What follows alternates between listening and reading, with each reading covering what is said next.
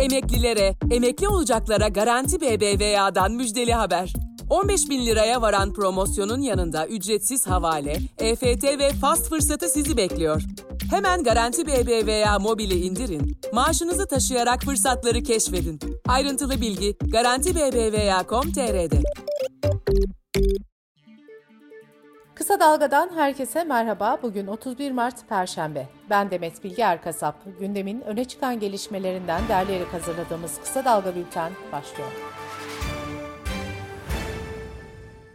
Kadınlara ve sağlık çalışanlarına yönelik şiddetin önlenmesini öngören kanun teklifi Meclis Adalet Komisyonu'nda kabul edildi. Teklife göre ısrarlı takip ceza kanununa ilk kez giriyor. Israrlı takibe 6 aydan 2 yıla kadar hapis cezası verilecek. Bu suç çocuğa veya boşandığı eşe karşı işlenirse ya da mağdurun konutunu okulunu terk etmesine yol açarsa ceza artırılacak. Teklifle kadınlara karşı işlenen kasten öldürme ve kasten yaralama suçlarında da ceza artırılacak. Tehdidin cezası en az 9 ay hapis olacak. Kadınlara yönelik eziyetin cezası 2,5 yıl, işkencenin cezası ise 5 yıl hapisten başlayacak. İyi hal indirimine de sınırlama getirilecek.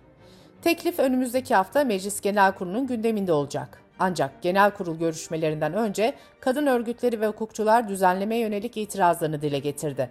Ortak görüş düzenlemenin kadına karşı şiddetle mücadelede yetersiz kalacağı yönünde. Kadın cinayetlerini durduracağız platformu kanun teklifinde farklı cinsiyet kimliklerine, cinsel yönelimlere yer verilmemesini, şüpheli kadın ölümlerine ilişkin düzenlemenin bulunmamasını, iyi hal indirimiyle ilgili düzenlemenin yenilik içermemesini eleştiriyor. BBC Türkçe'den Funda Nur Öztürk'e konuşan avukat Ezgi Koç, indirimlerle ilgili eksikliği şöyle aktarıyor. Sanığın çok pişman olduğunu söylemesi yeterli olacak mı? Düzenlemedeki maddede her şey yoruma dayalı. Hakim hala fail yararına cezayı hafifletmek için bu maddeyi kullanabilir. Ankara Barosu Kadın Hakları Merkezi Başkanı Avukat Ceren Kalay Eken ise bu değişiklikle birlikte iyi hal uygulamasının önüne geçilemeyeceğini çünkü asıl sorunun kanunu uygulayanlarda olduğunu kaydediyor. Eşitlik için Kadın Platformu da aynı noktaya vurgu yaparak sorunun yasalarda değil, yasaların uygulanmasında olduğunu vurguluyor. Platformun açıklamasında şöyle deniliyor. Türkiye'de sorun cezaların yetersizliği değil, infaz sistemiyle ilişkin düzenlemelerin ve ceza hukukunda indirme neden olan diğer düzenlemelerin uygulanması sonrasında cezaların neredeyse infaz edilemez hale gelmesidir. Bu nedenle eşik platformu olarak yasalara dokunma, uygula diyoruz.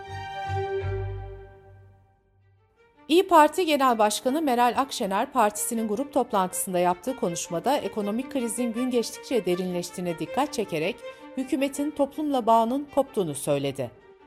Altı partinin güçlendirilmiş parlamenter sistem çalışması ile ilgili de konuşan Akşener, bu daha başlangıç, daha çok rahatları bozulacak. Türkiye'yi bu ucube sistemden kurtarmak için bir araya geldik. Yeni bir tek adam yaratmak için bir araya gelmedik, dedi.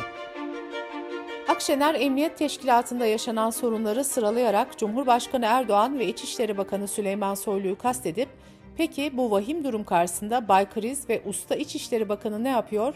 Hiçbir şey dedi. Akşener polislere de şöyle seslendi. Türkiye'nin müstakbel başbakanı olarak söz veriyorum. Sizler için 3600 ek göstergeyi çıkartmak bize nasip olacak. Akşener'in bu sözlerinin ardından İçişleri Bakanı Soylu sosyal medya hesabından Akşener'i hedef alarak açıklama yayınladı. Akşener'e hitaben Zafiyet Hanım ifadesini kullanan Soylu şöyle dedi. Seni en iyi biz biliriz, seni en iyi bildiğimizi de en iyi sen bilirsin. Emniyet teşkilatımız başarıdan başarıya koşarken kahraman polisimiz ağzına hiç yakışmıyor. CHP Genel Başkanı Kemal Kılıçdaroğlu Manisa'da çiftçilerle bir araya geldi.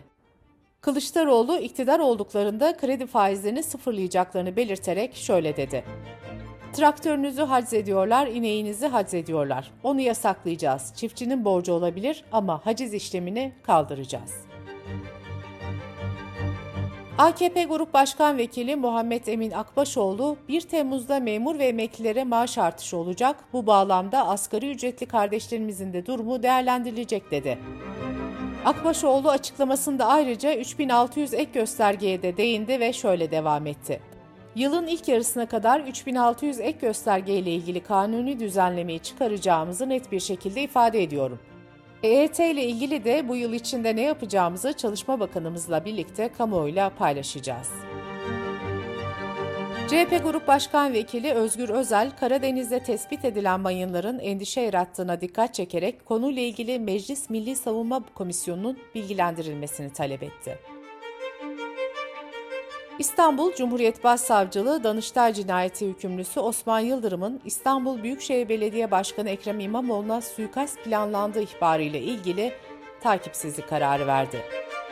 Takipsizlik kararında icraî hareket kapsamında yahut teşebbüs aşamasında kalabilecek nitelikte cezalandırmayı gerektirir bir eyleme rastlanamadığı belirtildi. Montreux Sözleşmesi bildirisi nedeniyle devletin güvenliğine ve anayasal düzene karşı suç işlemek için anlaşma iddiasıyla yargılanan 103 emekli amiralin davasında ara karar açıklandı. Mahkeme savunma yapan sanıklar hakkındaki adli kontrol kararlarını kaldırdı. Yargıtay Cumhuriyet Başsavcılığı kaldığı cemaat yurdunda maruz kaldığı baskıları bir video ile anlatan ve psikolojik olarak yıprandığını söyleyerek yaşamına son veren Elazığ Fırat Üniversitesi Tıp Fakültesi öğrencisi Enes Kara'nın dosyasını kapattı.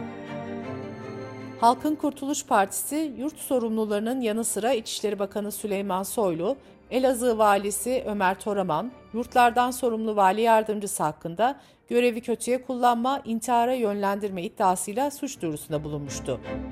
Yargıtay ise iddiaları soyut bularak suç duyurusunun işleme konulmamasına karar verdi.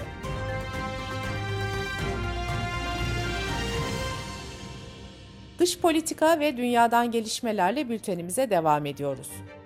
Birleşmiş Milletler Mülteci Örgütü 24 Şubat'ta Rusya'nın Ukrayna işgalinden bu yana 4 milyon 20 binden fazla insanın ülkeyi terk ettiğini açıkladı. Kremlin sözcüsü Dmitri Peskov, Ukrayna ile yapılan müzakerelerde henüz anlaşma olmadığını ve alınacak çok yol olduğunu söyledi. Peşkov, ruble ile gaz ödemeleri planına da değindi ve bu uygulamanın hayata geçmesinin zaman alacağını belirtti. Rusya, İstanbul görüşmelerinde Kiev etrafındaki operasyonlarını azaltma taahhüdü vermişti. Ancak bu taahhüde başta ABD olmak üzere Batı dünyası temkinli yaklaşıyor. ABD Başkanı Joe Biden, Moskova'nın sözünü yerine getirip getirmeyeceğini bekleyeceklerini söyledi. Pentagon ise Ukrayna'nın başkenti Kiev'in halen tehdit altında olduğunu belirtti. Ukrayna Genelkurmay Başkanlığı ise Rusya'nın geri çekilme taahhüdünün yanıltma amaçlı olduğunu, muhtemelen bazı birliklerin rotasyonunu içerdiğini savunuyor.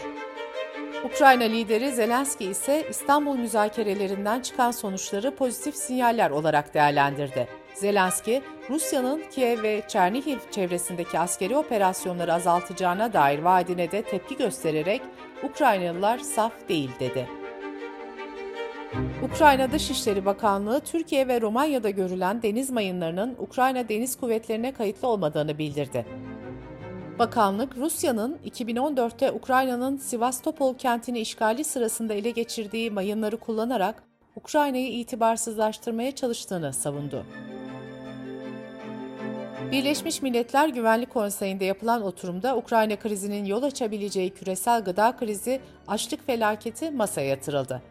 Birleşmiş Milletler Dünya Gıda Programı İcra Direktörü, savaşın İkinci Dünya Savaşı'ndan bu yana yaşanan felaketlerin çok ötesinde küresel çapta sonuçlar doğuracağı uyarısında bulundu. İsrail'in başkenti Tel Aviv yakınlarında düzenlenen silahlı saldırıda en az 6 kişi hayatını kaybetti. Görgü tanıkları saldırganın balkonlara, sokaktaki insanlara ve arabalara ateş ettiğini anlattı. Saldırganın olay yerinde polis tarafından öldürüldüğü açıklandı. Bu saldırı İsrail'de son bir hafta içinde düzenlenen üçüncü ölümlü saldırı oldu. IŞİD, pazar günü Hadera kentinde İsrail iki polisin öldürüldüğü, dört memurunun yaralandığı olayın sorumluluğunu üstlenmişti.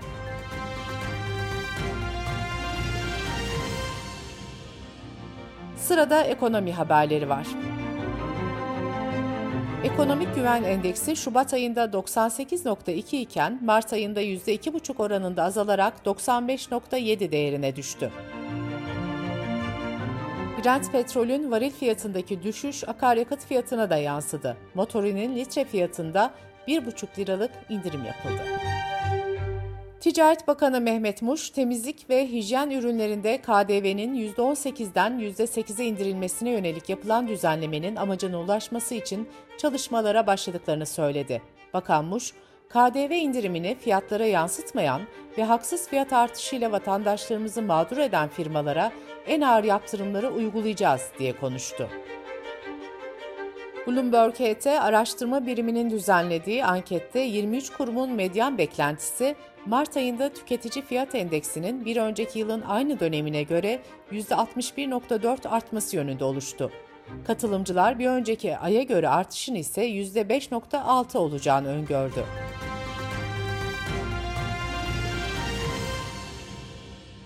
Bültenimizi kısa dalgadan bir öneriyle bitiriyoruz. Yeşim Özdemir, psikolog Orkun Özocak'la evlilikleri, uzun ya da kısa süreli ilişkileri ve hayatımızda etkisi giderek artan dijital ilişkileri konuştu. Kısa Dalga.net adresimizden ve podcast platformlarından dinleyebilirsiniz. Gözünüz kulağınız bizde olsun. Kısa Dalga Medya.